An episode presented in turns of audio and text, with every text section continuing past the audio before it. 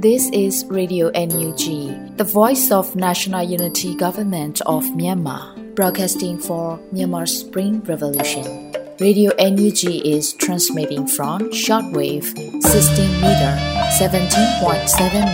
MHz at 8:30 a.m. and 25 meter 11.94 MHz at 8:30 p.m. Myanmar Standard Time. မင်္ဂလာပါရှင်။ မြို့သားညီညွတ်ရေးအစိုးရရဲ့အတန်လွင့်ဌာန Radio NUG ကိုမနက်ပိုင်း၈နာရီခွဲမှာလိုင်းတူ16မီတာ19.89 MHz ညပိုင်း၈နာရီခွဲမှာလိုင်းတူ25မီတာ17.6 MHz တို့မှာဓာတ်ရိုက်ဖမ်းယူနိုင်စေနိုင်ပါရှင်။မင်္ဂလာအပေါင်းနဲ့ပြည့်စုံကြပါစေ။အခုချိန်ကစပြီး Radio NUG အစီအစဉ်လေးကိုဓာတ်ရိုက်အတန်လွှင့်ပေးနေပါပြီရှင်။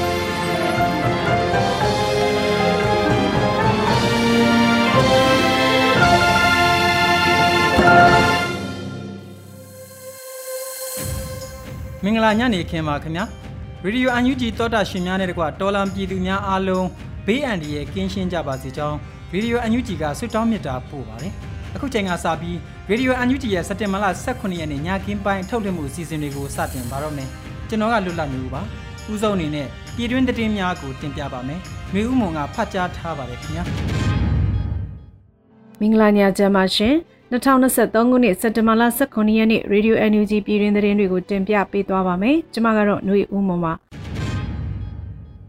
မြန်မာတမန်ကြီးဦးကျော်မိုးထွန်းကုလသမဂ္ဂတွင်ဆက်လက်တည်ရှိရေးအတွက် UN ရုံးချုပ်ရှေ့တွင်လူထုထောက်ခံချီတက်ပွဲကျင်းပတဲ့သတင်းကိုတင်ပြပေးပါမယ်။မြန်မာတမန်ကြီးဦးကျော်မိုးထွန်းကုလသမဂ္ဂမှဆက်လက်တည်ရှိရေးအတွက် UN ရုံးချုပ်ရှေ့မှာလူထုထောက်ခံချီတက်ပွဲကျင်းပရာမြန်မာတမန်ကြီးဦးကျော်မိုးထွန်းနဲ့ဒုတိယနိုင်ငံသားရေးဝန်ကြီးဦးမိုးစောဦးတို့တက်ရောက်ခဲ့ပါတယ်။ စက်တင်ဘာ16ရက်အမေရိကန်ပြည်ထောင်စုနယူးယောက်မြို့တော်ရှိ Duck Hut Market Zone Plaza မှာမြန်မာနိုင်ငံဆိုင်ရာကုလသမဂ္ဂတမန်ကြီးဦးကျော်မိုးထွန်းကုလသမဂ္ဂတွင်ဆက်လက်တည်ရှိရေးအတွက် UN Credential Campaign ဖြင့် Our Ambassador Our Voice ကောင်းစဉ်ဖြင့်လူလူထောက်ခံချီတက်ဆန္ဒဖော်ထုတ်ပွဲပွဲကိုကျင်းပခဲ့ပါတယ်။ဆိုပါခန်းနာမှာမြန်မာတမန်ကြီးဦးကျော်မိုးထွန်း NUG အစိုးရဖွဲ့မှဒုတိယနိုင်ငံသားရေးဝန်ကြီးဦးမိုးစောဦးတို့မှအမှားစကားပြောကြားခဲ့တယ်လို့သတင်းရရှိပါရယ်။ကုလသမဂ္ဂတွင်မြန်မာပြည်သူများကိုစားပြီးဦးကျော်မိုးထွန်းဆက်လက်တည်ရှိရေးဖြင့် တရားဥပဒေမဲ့စွာပြပြောင်းတင်းတင်းလှုပ်ဆောင်နေသောစစ်အကြမ်းဖက်အုပ်စုဟာနိုင်ငံတကာမှပယ်ခြင်းကဆီယနာရှင်စနစ်ခြုံငိမ့်စေရအတွက်နိုင်ငံတကာအတိုင်းဝိုင်းမှဝိုင်းဝန်းကူညီပေးကြရန်ကိုလည်းတောင်းဆိုခဲ့ကြပါတယ်။အဲဒီနောက် UN ရုံးချုပ်ရှိမှနယူးယောက်မြို့လယ်ရှိ Times Square ရင်ပြင်သို့နယူးယောက်မြို့လယ်ကိုဖျက်ဆီးကအမေရိကန်ပြည်ထောင်စုတဝန်ရှိမြန်မာပြည်ပွားတိုင်းသားပေါင်းစုံမှကြွေးကြော်သံများဟစ်ကြွေးကချီတက်ခဲ့ကြပါတယ်ရှင်။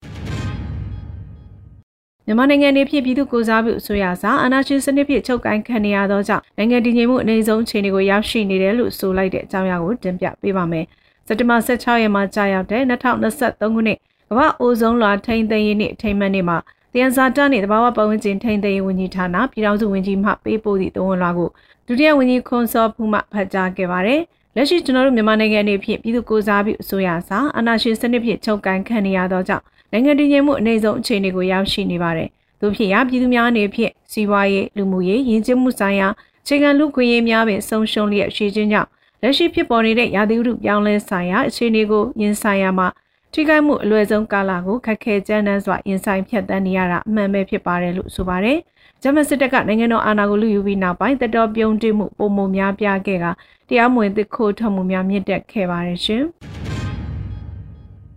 လူတော်လိုင်းမှာစစ်ကောင်စီဘက်မှစိတ်တဲ့ပိုင်းဆိုင်ရာပါပြိုလဲနေတာတွေ့မြင်နေရပြီလို့ကာဝင်းဝန်ကြီးဌာနအတွင်းဝင်ပြောကြားလိုက်တဲ့အကြောင်းအရာကိုလည်းတင်ပြပေးပါမယ်။စက်တဘာ16ရက်ကျင်းပတဲ့ကင်းနီပြည်ရောက်မအလတမပြောက်ခံမိတ်စကားဝိုင်းမှာကာဝင်းဝန်ကြီးဌာနအတွင်းဝင်ဦးနိုင်ထူအောင်မှအခုလိုပြောကြားလိုက်ပါတယ်။2023မှာအောင်မြင်မှုပွဲတွေကအရန်ကိုသိတာပါတယ်။ဒီရက်ပိုင်းမှာဆိုရင် ERO တွေရော PDF တွေရောအတူတူတိုက်ပွဲဝင်ခဲ့ကြတယ်။ PDF ဆိုရင်လူဒေါ်လေးမှာပေါ်ပေါက်လာပြီးတော့ ခြားသောလက်နက်ကိုင်တော်လိုင်းအင်အားစုများနဲ့အတူတူပူးပေါင်းဆောင်ရွက်ခဲ့ကြတယ်။စစ်ကောင်စီဘက်ဆိုရင်စိတ်တပိုင်းဆိုင်ရာပါပြိုလဲနေပြီဆိုတာတွေ့နေရတယ်။နောက်ပြီးတော့ပြည်သူတွေရောနိုင်ငံတကာကဗယုံကြည်မှုတွေအများကြီးရှိလာတယ်။အချိန်တုန်းကစစ်ကောင်စီဆိုတာမပြိုနိုင်ဘူးဆိုပြီးပြောခဲ့ကြတယ်။ပညာရှင်တွေကအစသုံးသက်ကြတယ်လို့ဆိုပါတယ်။ကော့ဂရိတ်မြောက်ရီအာရှလန်ရီမိုးကြီးမြေပြိုလမ်းများပြက်ပြီးနောက် အနာသိန်းကျမစစ်ကောင်စီတက်မှ၎င်းလက်အားတရားထိုးပြန်လည်ပြုပြီးရဲ့အကြောင်းပြု၍နေမြေလုံခြုံရေးရလှုပ်ရှားနေသောစစ်ကောင်စီတပ်များကို2023ခုနှစ်ဩဂုတ်လ9ရက်နေ့မှ2023ခုနှစ်စက်တင်ဘာ9ရက်နေ့ထိ KNU တပ်မဟာ6 KNL တရင်ဆက်ရှင်နဲ့တော်လေးပူပေါင်းတပ်ဖွဲ့တို့မှပျောက်ကြားဖြင့်တော်၎င်းတစ်ဖက်ထိတွေ့ပစ်ခတ်မှုဖြင့်တော်၎င်းစံတကြိမ်တိုက်ခိုက်ခဲ့ပါတယ်။စဆိုပါတိုက်ပွဲတွင်အာနာသိန်းစစ်ကောင်စီတပ်မှ32ဦးသေဆုံးပြီး26ဦးဒဏ်ရာရက၎င်းတို့စစ်ကား9စီးကိုဖျက်ဆီးနိုင်ခဲ့ပါတယ်ရှင်။ မိုးလုံးမိုင်းစစ်စေးရေးဆင်နွှဲနေ၍မိုးကုတ်မြို့နယ်အနီးတစ်ဝိုက်နေပြည်သူများစီရေးတရရှိရန်တတိပေးခြင်းများတဲ့တရင်ကိုလည်းတင်ပြပေးပါမယ်။မိုးလုံးမိုင်းစစ်စေးရေးဆင်နွှဲနေတာကြောင့်မိုးကုတ်မြို့နယ်အနီးတစ်ဝိုက်နေပြည်သူများစီရေးတရရှိကြဖို့စက်တဘာ18ရက်မှာမိုးကုတ်ခြေပြုတ်တရင်များကအသိပေးဆိုပါရယ်။ပြည်သူ့ကာကွယ်တပ်များနဲ့ DNL တို့ပူးပေါင်းပြီးမိုးကုတ်မြို့နေတစ်ဝိုက်တွင်စစ်ကောင်စီအားစစ်စင်ရေးဆောင်ရွက်နေသည်ကိုပြည်သူများသိရှိပြီးဖြစ်ပါတယ်။စစ်စင်ရေးဆောင်ရွက်နေခြင်းတွင်ပြည်သူများ၏အသက်အန္တရာယ်ကိုထိခိုက်မှာစိုးရိမ်ရသောကြောင့်နောက်ဆုံးလျာသောစစ်စင်ရေးများရှိခဲ့ပါတယ်။ ထို့ကြောင့်ပြည်သူများအနေဖြင့်အခြေစုပြု၍အတက်နိုင်ဆုံးသွားလာဆင်ခြင်ပေးကြရန်နှင့်စစ်ကောင်စီများနှင့်အနီးကပ်သောနေရာများတွင်ရှောင်ရှားပေးကြပါရန်အနုညွတ်တောင်းဆိုအပ်ပါတယ်လို့ဆိုပါတယ်။မိုးလုံးမိုင်းစစ်စင်ရေးကိုမုံကုတ်ချေပြုတရင်များဖြစ်သည့်122 122 3တို့ TNL နဲ့တွဲဖက်စစ်စင်ရေးဆောင်ရွက်လျက်ရှိရာစက်တင်ဘာ15ရက်နေ့တွင်မိုးကုတ်ရှေးပိုင်းနဲ့နောက်ပိုင်းတို့မှာတိုက်ပွဲများပြင်းထန်ဖြစ်ပွားခဲ့ပါတယ်။စစ်ကောင်စီဘက်ကလေကြောင်းစစ်စင်ရေးလည်း၃ကြိမ်တိုက်လာရောက်ပုံကျဲခဲ့ပါတယ်ရှင်။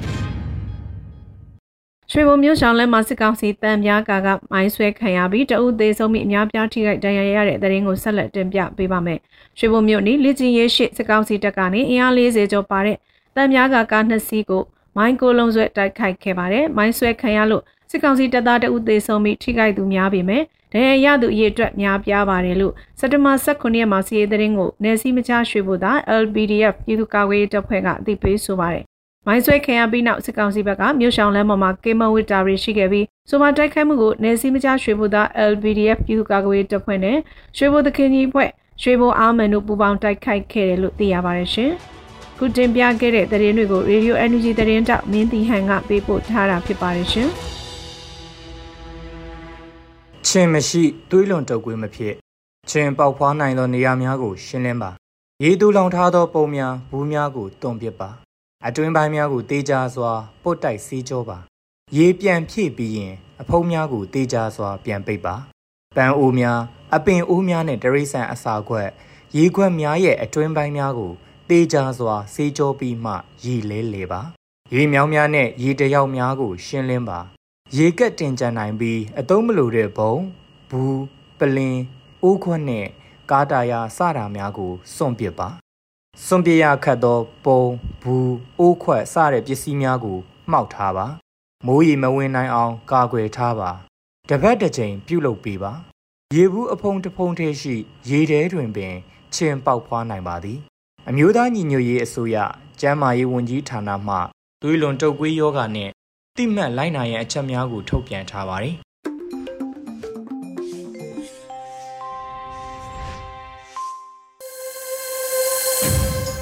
ပြည်တွင်းသတင်းများကိုနားဆင်ကြရတာဖြစ်ပါတယ်ဒုတိယအစီအစဉ်အနေနဲ့စွန့်လွတ်စွန့်စားပြည်ရင်သွေးများအပိုင်းရှိကိုနားဆင်ရဖို့ရှိပါတယ် Special Operation Force SOF အထူးစစ်ဆင်ရေးတပ်ဖွဲ့တာဝန်ခံကိုအောင်ဆန်းရှားရဲ့စွန့်လွတ်စွန့်စားအတွေ့အကြုံများကိုနားဆင်နိုင်ကြပါမယ်ခင်ဗျာကျွန်တော်ရဲဘော်နာမည်ကတော့အောင်ဆန်းရှားပါခုကတော့ဒီတောင်ပိုင်းစစ်တပ်ဥကေရဲ့ထူးစစ်တဲ့တပ်ဖွဲ့တောင်ငန်းပေါ့နော်ဆိုတော့အရင်တုန်းကတော့တိုင်းရင်မှုတောင်နဲ့တောင်ထမ်းဆောင်ခဲ့တာပေါ့ ဒီနေ့လောက်ကြာတဲ့အချိန်မှာတော့ဒါတပ်ဖွဲ့တောင်ကန်ဖြစ်အကြောင်းပေးခံရခံရတာပေါ့နော်ဟုတ်ပြည်သူ့ခုခံတော်လန်စစ်စတင်တဲ့အချိန်မှာတော့ကမြို့ဘက်စစ်စင်ရေးကိုကျွန်တော်အဓိကလုပ်ခဲ့တယ်ပေါ့နော်ဆိုတော့အဲ့ဒီချိန်တုန်းကတော့တောင်ပိုင်းစစ်တပ်ကိုကိရဲ့ဒါလမ်းညွှန်မှုနဲ့ပေါ့နော်သူတို့ရဲ့ညွှန်ကြားခြင်းနဲ့ဒီရန်ကုန်နောက် ARD ပေါ့နောက်မွန်ပြည်နယ်ပေါ့အဲ့ဒီမှာဒီ SO တပ်ဖွဲ့အနေနဲ့တရင်တရင်လုံးပေါ့နော်တရင်တရင်လုံးကျွန်တော်တို့မြို့ဘစစ်စင်ရေးကိုအဲ့ဒီမှာအဓိကဆောင်ရွက်ခဲ့တယ်နောက်မြို့ဘစစ်စင်ရေးဆောင်ရွက်ပြီးတော့နောက်ကျေးလက်စစ်စင်ရေးနဲ့ပတ်သက်လို့ချင်းတော့ဒီမြို့ဘစစ်စင်ရေးမှာ တောင်းယူဆောင်ရွက်ခဲ့တဲ့ရဲဘော်တချို့ပဲနောက်ပြီးတော့ဒီကျေးလက်မှာရှိတဲ့ရဲဘော်တချို့နဲ့ကြံစုဖွဲ့မှုလုပ်ပြီးတော့ကျွန်တော်ကျေးလက်စစ်စင်ရေးကိုကျွန်တော်ထပ်ပြီးတော့ဒီတောင်ပိုင်းစစ်သားမှာဆောင်ရွက်ခဲ့တယ်ပေါ့နော်အဲ့ဒီမှာလည်း SO တပ်ဖွဲ့အနေနဲ့စခန်းသိမ်းခဲ့တဲ့ဟာတွေလည်း၃ခုရှိတယ်ပေါ့နော်နောက်ပြီးတော့စီကြောင်းတွေကျွန်တော်တို့မြေပြင်တာမန် conventional warfare လို့ပြောလို့ရတဲ့ထိတွေ့တိုက်ပွဲတွေပေါ့နော်အဲ့လိုဟာတွေလည်းကျွန်တော်တို့အများကြီးအောင်မြင်မှုရအောင်ကျွန်တော်တို့ဆောင်ရွက်နိုင်ခဲ့တယ်ပေါ့နော်ဒီနှစ်အတွင်းမှာဆိုတော့အဲ့ဒီဒီဆောင်ရွက်ချက်တွေမှာအဓိကဒီစိန်ခေါ်မှုအခက်အခဲတွေကတော့ဒီအခြားနည်းလူပဲပေါ့နော်ကျွန်တော်တို့လက်နက်ခဲရန်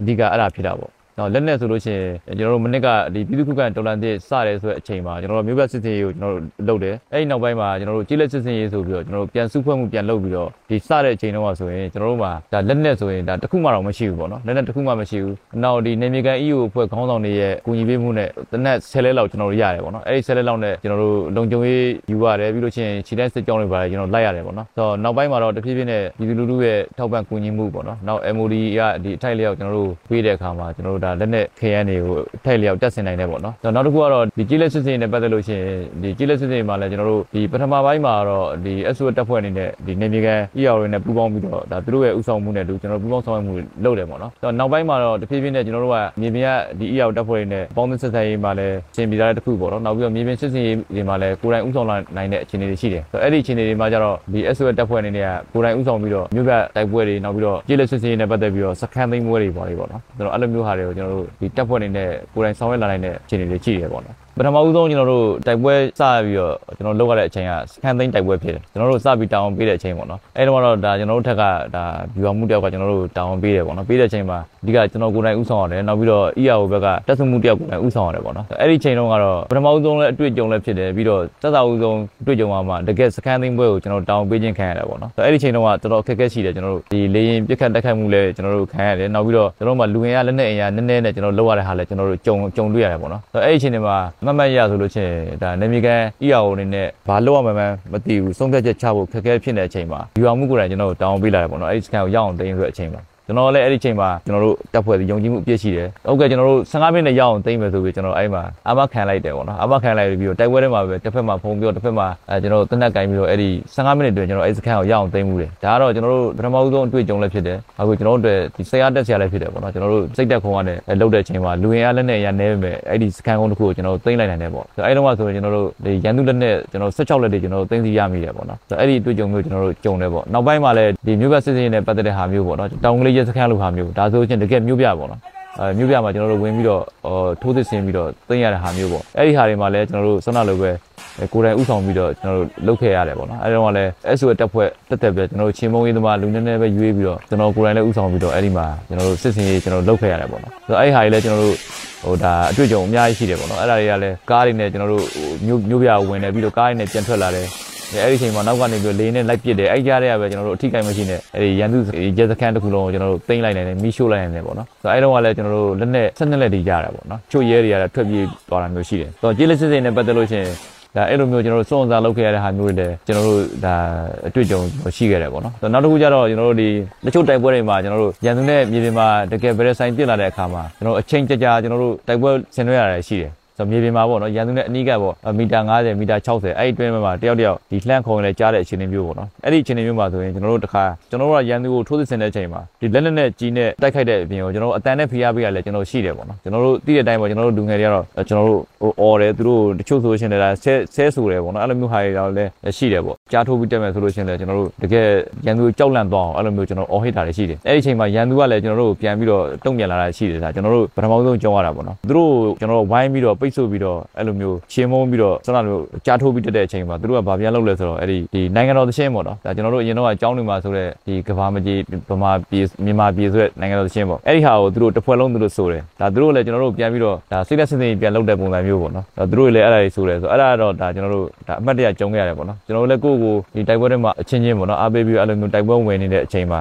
ဒီရန်သူတွေကလည်းသူတို့ပုံစံနဲ့သူတို့သူတို့မှလည်းသူတို့ဒီနိုင်ငံတော်သချင်းတွေပါဆိုပြီးတော့သူတို့ကိုသူတို့မိုဒီပြန်ပေးတာတွေပါရှိတယ်နောက်ဆုံးတော့လည်းအဲ့ဒီတစ်ဖွဲ့လုံးဒါသေသွားတာပါပဲအဲ့လိုမျိုးပေါ့နော်အဲ့လိုတွေ့ကြုံလဲတိုက်ပွဲတွေမှာတော့ဒါကျွန်တော်တို့ကြုံခဲ့မှုတာတွေရှိတာပေါ့ဒေါ်လာရေးနှစ်နှစ်အတွင်းမှာတကယ်ဝမ်းနဲ့စရာအကောင်းဆုံးအခြေအနေလဲကျွန်တော်တို့အများကြီးတွေ့ကြုံခဲ့မှုတယ်ပေါ့နော်အဓိကတော့မနစ်ကဆိုရင်ကျွန်တော်မြို့ဘက်စစ်စီဆောင်ရွက်တဲ့အချိန်မှာ ဒီမြို့ပြမှာပဲအဆွတ်တက်ဖို့ဝင်နှစ်ဦးပေါ့နော်တက်ဆုံးချုံသွားတာရှိတယ်နောက်ပြီးလို့ရှိရင်အဆွတ်တက်ဖို့ဝင်အရောက်ကျွန်တော်40ကျော်မြို့ပြမှာစစ်ကောင်စီရဲ့ဒီမတရားဖမ်းဆီးထိန်းသိမ်းခြင်းကိုခံလိုက်ရတယ်ပေါ့နော်ဆိုတော့အဲ့ဒါတော့ဒါကျွန်တော်တို့တက်ဖွဲ့အတွက်အဆိုးဆုံးအခြေအနေတစ်ခုပေါ့နော်တခြားအတွေ့အကြုံတွေထက်ဒါကျွန်တော်တို့ဝမ်းနဲ့ကြာအကောင်းဆုံးအခြေအနေလို့ကျွန်တော်ပြောလို့ရတာ တချို့ဟာတွေဆိုလို့ရှိရင်ကျွန်တော်တို့လုံးဝအိတ်လို့မရတဲ့အခြေအနေမျိုးတွေပေါ့နော်ကျွန်တော်တို့ကျွန်တော်ဆိုရင်တပတ်10ရက်ထိကျွန်တော်တို့အဲ့ဒီကာလတွေတော့ဆိုရင်လုံးဝအိတ်လို့မရဘူးအဲ့ကာလတွေဆိုညဘက်အိတ်လို့ရှိရင်လည်းဒီစိတ်ထဲမှာဒီဟာတွေပဲမြင်အောင်ကြားအောင်ပြီးတော့အမြဲတမ်းသတိရတိုင်းကျွန်တော်တို့ဟိုမျက်ရည်ကျတဲ့အခိုက်အတန့်တွေပေါ့နော်ကျွန်တော်တို့အများကြီးကြုံခဲ့ဘူးတော့ပေါ့ဒါကျွန်တော်တို့အတွက်အဆိုးဆုံးအခြေအနေတွေပေါ့နောက်တစ်ခုကတော့ဒီဒီကျေးလက်စစ်စစ်ဆောင်ရွက်တဲ့အားမှာတောင်သုံးတိုက်ပွဲမှာဆိုရင်အများဆုံးကျွန်တော်တို့6ဦးကျွန်တော်ကြာဆုံးခဲ့တယ်ပေါ့နော်အဲ့ဒီအချိန်တွေတော့ကလည်းဒါတကယ်ဆိုရင်အဲ့ဒီကြာဆုံးတဲ့ရဲဘော်တွေကကျွန်တော်နဲ့ဒါအနီးကနေပြီးတော့အများနဲ့အတူတိုက်ပွဲဝင်တဲ့ရဲဘော်တွေပေါ့အဲ့ဒီအချိန်တော့ကရှေ့ဆုံးကနေကျွန်တော်တက်တယ်တက်တဲ့အခါကျတော့အဲ့ဒီရဲဘော်ဘတ်ချစ်ပေါ့နော်ဆိုတော့အဲ့မှာကျွန်တော်ရင်းမှုရှေ့ဆုံးကမတက်နဲ့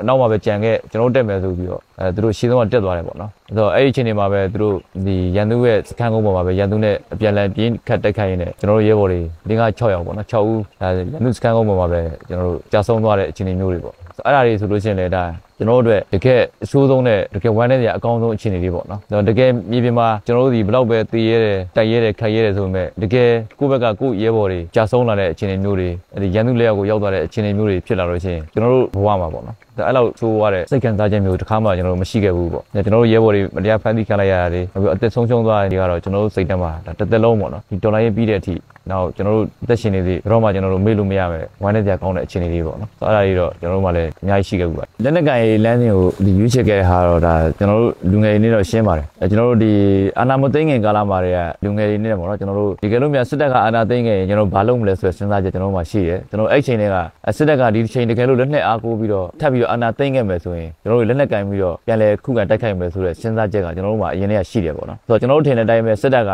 ဒီမြောက်လိုင်းကအာနာသိမ့်လိုက်တယ်ပေါ့နော်အာနာသိမ့်လိုက်တဲ့အချိန်မှာကျွန်တော်ရန်ကုန်မှာဒီနေပြီးတော့မှသတင်းတောက်တယောက်အနေနဲ့တောင်းယူဆောင်ရွက်နေတဲ့အချိန်ပေါ့နော်ဆောင်ရွက်ပြီးတော့ဒီ9ရက်နေ့နေပြီးတော့စီမံအေးဒါနေပြီးတော့လွတ်တော်ကိုယ်တည်းတွေရောအားလုံးကိုပြန်လှုပ်ပေးတဲ့အချိန်မှာရန်ကုန်ခဏပြန်တယ်ပြီးတော့ပြည်ပြည်နယ်ဘက်ကိုကျွန်တော်ကိုစောရှားတို့နဲ့ချိတ်ပြီးတော့ကျွန်တော်ရောက်လာတယ်ပေါ့နော်ဆိုတော့ရိုးရိုးရှင်းရှင်းပါပဲကျွန်တော်တို့ဒီတကယ်လက်နက်နဲ့ပြည်သူကိုဒီအကြမ်းဖက်ပြီးတော့အာနာသိမ့်တဲ့စစ်တပ်ကိုကျွန်တော်တို့ကဒီလက်နက်ကန်လမ်းစဉ်နဲ့ပဲပြန်လဲခုခံတိုက်ခိုက်မှရမယ်ဆိုတဲ့စဉ်းစားချက်ပေါ့နော်ယုံကြည်ချက်ပေါ့အဲ့ဒီယုံကြည်ချက်ကြောင့်ပဲကျွန်တော်တို့ဒီလက်နက်ကန်တပ်ဖွဲ့ဟိုကျွန်တော်တို့စတင်တည်ထောင်ပြီးတော့ဒီလက်နက်ကန်လမ်းစဉ်ကျွန်တော်ရွေးခဲ့တာပေါ့ပြည်သူ့ကာကွယ်တပ်မတော်လို့ဖြစ်လာတဲ့အာကိုကတခါလူလူရဲ့ဆန္ဒနဲ့လူလူရဲ့အခြေအနေနဲ့ကျွန်တော်တို့ဖြစ်လာတာပေါ့ဆိုတော့အဲ့ဒီအခြေအနေမှာကျွန်တော်တို့ပြည်သူ့ကာကွယ်တပ်ဖွဲ့ဝင်တွေအနေနဲ့ဒီနှစ်နှစ်တာကာလအတွင်းမှာလက်ရှိပေါ့နော်ကျွန်တော်တို့ရက်တည်နေတဲ့ကျွန်တော်တို့ရဲ့စာနာရိတ်ခါကိစ္စတွေနောက်ပြီးတော့လက်လက်ခရန်ကိစ္စတွေအားလုံးကဒါလူလူထောက်ခံမှုနဲ့ပဲကျွန်တော်တို့တိဆောက်ပြီးတော့ဒီအခြေအနေတိဖြစ်လာတယ်ပေါ့နော်ဆိုတော့ဒီနှစ်နှစ်တာကာလအတွင်းမှာလူလူရဲ့ထောက်ခံမှုကပြန်ကြည့်မယ်ဆိုလို့ရှိရင်ဒီအခြေအနေတိကြော့သွားရလို့မရှိဘူးပေါ့နော်ဒါပြည်တွင်းမှာတော့အနည်းငယ်ကျွန်တော်တို့အားနည်းသွားတဲ့အခြေအနေရှိတယ်ဒါလည်းစစ်ကောင်စီရဲ့ဖိနှိပ်မှုတွေကြောင့်ပြည်တွင်းမှာအနည်းငယ်ကျွန်တော်ပေါ်ပေါ်တင်တင်မလုပ်ရတဲ့အခြေအနေမျိုးတွေရှိတယ်တိုးတော်လည်း အခုအချိန်အထိပြည်သူ့ကာကွယ်ရေးတပ်မတော်ကလက်နဲ့နောက်ခဲရမ်းပေါ့နော်နောက်ရိတ်ခါပေါ့ဒီဟာတွေကိုပြည်တွင်းပြည်ပမှာရှိတဲ့လူထုတွေကပဲဒါကုညီထောက်ပံ့ပေးနေရပေါ့ပြောရလို့ရှိရင်တော့ဒီနေ့နေ့တာကာလအထိလူထုရဲ့ထောက်ခံမှုဟာရော့ကျသွားတယ်ဆိုတာမရှိဘူးပေါ့နော်ဒါကြောင့်ကျွန်တော်တို့ကဒီတော်လိုင်းရေးနိုင်မယ်ဆိုတဲ့ခံယူချက်ကလည်းဒါကြောင့်ပဲအဓိကဖြစ်တယ်ပေါ့ကျွန်တော်တို့စစ်ကြောင်းနဲ့စစ်ကြောင်းနဲ့သွားတဲ့အခါမှာလည်းနေမီကန်ပြည်သူလူထုရဲ့ကုညီနဲ့ပဲကျွန်တော်တို့ရက်တည်တယ်နေမီကန်ပြည်သူလူထုရဲ့ပူးပေါင်းပါဝင်မှုနဲ့ပဲကျွန်တော်စစ်စင်ရေးတွေကိုကျွန်တော်တို့အကောင့်ထဲပေါ်နိုင်တယ်ပေါ့နော်ဒါကတော့ပြောလို့ရှိရင်လူထုထောက်ခံမှုကကျွန်တော်မြေပြင်မှာရောနောက်ပြီးလို့ရှိရင်ပြည်တွင်းပြည်ပပေါ့နော်ဘယ်ပေါင်းစုံမှာပြည်သူ့ကာကွယ်ရေးတပ်မတော်သားအနေနဲ့အပြည့်အဝရထားတယ်လို့ကျွန်တော်တို့ပြောလို့ရပါတယ်ဟုတ်နောက်တစ်ခုကျွန်တော်တို့မြင်တာကတော့ရဲဘော်တွေအနေနဲ့ပေါ့နော်တူးချင်းတူးချင်းရဲ့တကယ်စံတန်မိုးတွေကိုသူတို့သိရမယ်အဲ့ဒီစံတန်မိုးတွေတိုင်သူတို့နေနိုင်ရမယ်ဆိုအဲ့လိုနေနိုင်လို့ရှိရင်လည်းဒါ COC ကိုထောက်ကူဖြစ်တယ်တကယ်ချင်းတော့ကွန်မန့်ဝင်တယ်ပေါ့နော်ဆိုတော့ဥပမာကျွန်တော်တို့မှာဆိုရဲဘော်တိုင်းမှာစံတန်မိုးတွေရှိတယ်အာမီတွေမှာလည်းသူတို့ရဲ့စံတန်မိုးရှိသလိုဒီပြည်သူ့ကာကွယ်ရေးတပ်မတော်တွေမှာလည်းကျွန်တော်တို့ရဲ့ value ဆိုတာရှိတယ်ဒါ MOD လည်းထုတ်ပြန်ထားတယ်ပေါ့နော်ဆိုတော့အဓိကဘာလဲဆိုတော့နံပါတ်1အမိန့်နာခံမှုရှိရမယ်ရဲဘော်တွေအဲ့ဒီစံတန်မိုးကိုသိရမယ်ကိုရဲဘော်တယောက်ဖြစ်လို့ရှိရင်အဖြစ်မနေအမိန့်ရနာကိုနာခံရမယ်ပေါ့နော်နောက်တစ်ခုကျတော့ကျွန်တော်တို့အပြန်လည်လေးစားမှုရှိရမယ်ပြန်လည်လေးစားမှုဆိုတာဒါရဲဘော်ချင်းချင်းတော့၎င်းကိုယ့်ရဲ့ခေါင်းဆောင်ပေါ်မှာတော့၎င်းနော်ခေါင်းဆောင်ချင်းချင်းပေါ်မှာတော့၎င်းအပြန်အလှန်လေးစားမှုရှိရမယ်အဲအဲ့ဒါလည်းဒါရဲဘော်တယောက်ကမဖြစ်မနေလိုအပ်တဲ့ဒါစံတန်ဖိုးတွေပဲပေါ့နော်နောက်တစ်ခုကျတော့စီကိုင်းရှိရမယ်ရဲဘော်တိုင်းရဲဘော်တိုင်းဟာတက်တွင်းစီကိုင်းနဲ့လိုက်နာမှာလိုက်နာမှာဖြစ်သလိုအခုလို့ရှိရင်နိုင်ငံတကာစစ်စည်းမျဉ်းစီကိုင်းတွေပေါ့နော်အဲ့ဒီစီကိုင်းတွေကိုလည်းလိုက်နာရမယ်အဲအဲ့ဒါတွေအဓိကကြတယ်ပေါ့နော်နောက်တစ်ခုကျတော့သစ္စာရှိမှုတပ်ဖွဲ့ဝင်ချင်းချင်းမှာသစ္စာရှိဖို့လိုတယ်နောက်လို့ရှိရင်ရဲစွမ်းတက်တွေရှိမှုပေါ့နော်အဲ့ဒီလိုအခြေခံစံတန်ဖိုးတွေကိုရဲဘော်တိုင်းကသိရမယ်အဲ့ဒီအခြေခံစံတန်ဖိုးတွေမှမရှိဘူးဆိုရင်ရဲဘော်တယောက်လုံးဝမဖြစ်ဘူးနောက်ပြီးလို့ရှိရင် COC လုံးဝမဝင်ဒါကတော့ကျွန်တော်တို့ရဲဘော်တိုင်းမဖြစ်မနေသိရမယ့်အချက်တွေလည်းဖြစ်တယ်ဒါလိုက်နာရမယ့်အချက်တွေလည်းဖြစ်တယ်ပေါ့နော်ဆိုတော့အဓိကတော့ဒီ online နဲ့ပတ်သက်ပြီးတော့ပြောချင်တာလေးနည်းနည်းရှိတယ်ပေါ့နော်ဆိုတော့ခေါင်းဆောင်မှုပိုင်းပေါ့နော်ကျွန်တော်တို့ခေါင်းဆောင်မှုပိုင်းတွေမှာကျွန်တော်တို့အဓိကကြားတယ် ဆိုတော့ကျွန်တော်တို့ဒီတိုင်းသားလူမျိုးစုချင်းချင်းမှာတော့၎င်းကျွန်တော်တို့အဖွဲ့အစည်းချင်းချင်းမှာတော့၎င်းပူးပေါင်းဆောင်ရွက်မှုခေါင်းဆောင်မှုတွေအားနည်းချက်တွေအများကြီးရှိတယ်ပေါ့နော်ဆိုတော့အဓိကဘာလဲဆိုတော့ကျွန်တော်တို့အပြန်လည်လေးစားမှုရှိဖို့လိုတယ်ပြည်သူ့ကာကွယ်ရေးတပ်မတော်နဲ့တခြားနေမြေကန် EAO အဖွဲ့တွေနဲ့အဖွဲ့ချင်းချင်းတော့၎င်းခေါင်းဆောင်ချင်းချင်းတော့၎င်းကျွန်တော်တို့အပြန်လည်လေးစားမှုတွေကျွန်တော်တို့ရှိဖို့လိုတယ်အဲ့ဒီပိုင်းတွေမှာလည်းကျွန်တော်တို့အားနည်းတယ်လို့ကျွန်တော်တို့မြင်တယ်ပေါ့နော်ဆိုတော့နောက်တစ်ခုကျတော့ကျွန်တော်တို့ရိုးသားမှုရှိရမယ်ဆိုတော့ရိုးသားမှုရှိတယ်ဆိုတဲ့ဟာကကျွန်တော်တို့ယုံကြည်မှုတိစောက်တာပဲပေါ့နော်တပ်ဖွဲ့ချင်းချင်းတော့၎င်းကျွန်တော်တို့လူမျိုးစုတစ်ခုနဲ့တစ်ခုချင်းပေါ်မှာတော့၎င်းဖွဲ့စည်းတစ်ခုချင်းတစ်ခုချင်းပေါ်မှာတော့၎င်းပေါ့နော်ကျွန်တော်တို့ကရိုးသားမှုရှိဖို့လိုတယ်အဲ့လိုရိုးသားမှုရှိမှကျွန်တော်တို့ကအပြန်လည်ယုံကြည်မှုရှိမယ်ဆိုတော့ဆောင်းလာကျွန်တော်ပြောတဲ့ဒီအပြန်လည်လေးစားမှုနဲ့အပြန်လည်ယုံကြည်မှုပေါ့နော်အဲ့ဒီနှစ်ခုရှိမှကျွန်တော်တို့တော်လိုင်းရေးကဒီပူးပေါင်းဆောင်ရွက်ပြီးတော့ကျွန်တော်ရှေ့ဆက်သွားမလို့ရမယ်နောက်ပြီးကျွန်တော်တို့ညွန်မှတ်တဲ့တကယ် Federal Army ယူလဲကျွန်တော်တို့တိစောက်လို့ရမယ်နောက် Federal Democracy နိုင်ငံတော်လည်းတိစောက်လို့ရမယ်ပေါ့နော်ဆောင်းလာပြောတဲ့ဒီအခြေခံအချက်တွေဖြစ်တဲ့ဒီအပြန်လည်လေးစားမှုနဲ့ယုံကြည်မှုမှမတိစောက်နိုင်လို့ရှိရင်ဒါတော်လိုင်းရေးကလည်းရှေ့ဆက်သွားဖို့မလွယ်ဘူးပေါ့နော်နောက်တစ်ခုကျတော့ကျွန်တော်တို့ဒီပြည်သူတွေကိုပြောချင်တာလည်းနည်းနည်းပါရှိတယ်ပေါ့နော်ဆိုတော့အဓိကတော့ကျွန်တော်တို့တော်လိုင်းတချို့ပြည်သူတွေကဒီတော်လန်ရေးဒီနှစ်နှစ်ကြာလာတဲ့အပေါ်မှာတချို့စိတ်ပြည့်အားရောတဲ့ဟာတွေကျွန်တော်တွေ့လာရတယ်ပေါ့နော်ဆိုတော့တကယ်တော့တော်လန်ရေးနှစ်နှစ်ကြာတယ်ဆိုတဲ့ဟာမှာတကယ်မဖြစ်မနေကြာသိကြလိုက်တဲ့အကြောင်းအရင်းတွေအကြောင်းအရာတွေရှိတယ်ပေါ့ဆိုတော့ကျွန်တော်တို့မှာရှေ့မှာ CDN လုပ်တဲ့ကာလတွေရှိတယ်နောက်ပြီးတော့ငញ្ញမ်းစွာဆန္ဒပြတဲ့ကာလတွေရှိတယ်နောက်ပြီးကျွန်တော်တို့တွေပြည်သူ့ခုခံတော်လှန်စစ်ကိုစတင်တော့မယ်လို့ကြေညာလိုက်တဲ့အချိန်မှာဒါကျွန်တော်တို့အခြေခံစစ်တပ်နဲ့နေပေးရတယ်နောက်ပြီးလို့ရှိရင်လက်နက်ခဲယမ်းတွေကျွန်တော်တို့စုဆောင်းရတယ်ပြီးလို့ရှိရင်စုဖွဲ့မှုတွေလုပ်ရတယ်အဲဆိုအခုတော့ကျွန်တော်တို့ဒီစစ်ကွက်တွေချပြီးတော့ထိုးစစ်ဆင်မှုကျွန်တော်လုပ်နေပြီပေါ့နော်ဆိုတော့အဲ့ဒီအကြောင်းအရာတွေကဒါဒေါ်လာရေးနှစ်နှစ်ကြာခဲ့ရတဲ့တကယ်မဖြစ်မနေလိုအပ်တဲ့အကြောင်းရင်းတွေပေါ့နော်ဆိုတော့ဒါကြောင့်ဒီဒေါ်လာရေးနှစ်နှစ်ကြာတဲ့ပုံမှာလည်းပြည်သူလူထုအနေနဲ့စိတ်ဓာတ်မကြဘူးပေါ့နော်အဲ့ဒါတွေကိုလည်းကျွန်တော်တို့အနေနဲ့အဓိကပြောချင်ပါတယ်ကျွန်တော်တို့ကနှစ်နှစ်ကြာလာပြီဆိုပေမဲ့အခုချိန်ကာလဒီတကယ်ရန်သူကိုကျွန်တော်တို့ကထိုးဖောက်ဝင်ရောက်ပြီးတော့ထိုးစစ်ဆင်နိုင်တဲ့အခြေအနေတွေကိုရောက်လာပြီပေါ့နော်ဒါကြောင့်ပြည်သူတွေအနေနဲ့လည်းဆက်လက်ပြီးတော့အတင်းထားဖို့ပေါ့နော်ရုံကြီးနဲ့ဆက်ပြီးတော့ကူညီစောင့်ရှောက်ဖို့ပေါ့နော်ကူညီထောက်ပံ့ပေးဖို့အဲ့ဒါလိုလည်းကျွန်တော်အဓိကပြည်သူလူထုကိုလည်းမြစ်တာရက်ခံနေပါတယ်ဆွန့်လွတ်စွန့်စားပြည်ရင်သွေးများအစီအစဉ်ကိုနားဆင်ခဲ့ရတာဖြစ်ပါတယ် ဒီကနေ့စက်တင်ဘာလ18ရက်နေ့ညခင်းပိုင်းအစီအစဉ်နောက်ဆုံးအစီအစဉ်လေးနဲ့တော်လိုင်းရဲ့လူပညာအစီအစဉ်ကိုတင်ဆက်ပါမယ်တန့်ဝေကျော်နဲ့ပြည်ကျော်တို့ပူးပေါင်းတင်ဆက်ထားကြပြီးဖြစ်ကြောင်းကုံစင်အများတကင်းအပိုင်း63ဖြစ်ပါတယ်ခင်ဗျာ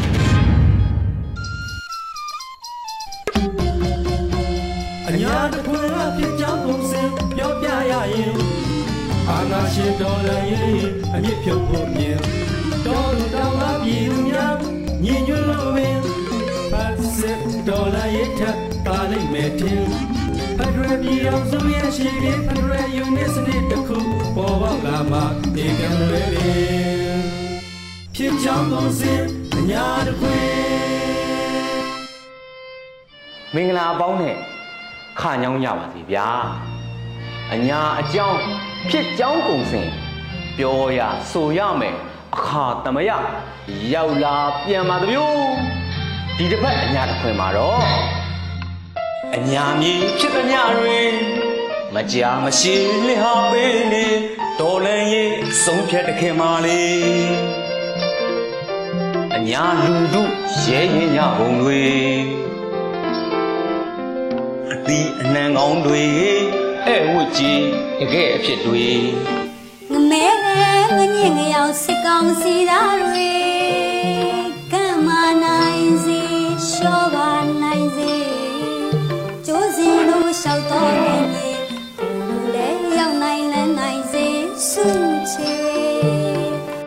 အာနာရှင်တွေအပြစ်ဖြိုးအညာမြေဖရယ်တစ်ခစ်ကိုညီညွတ်စီလုံးစွာလှမ်းစေအညာယူနှစ်တစ်ခုတည်ဆောက်မလီစီချီဝါတို့တော်လည်းမဲ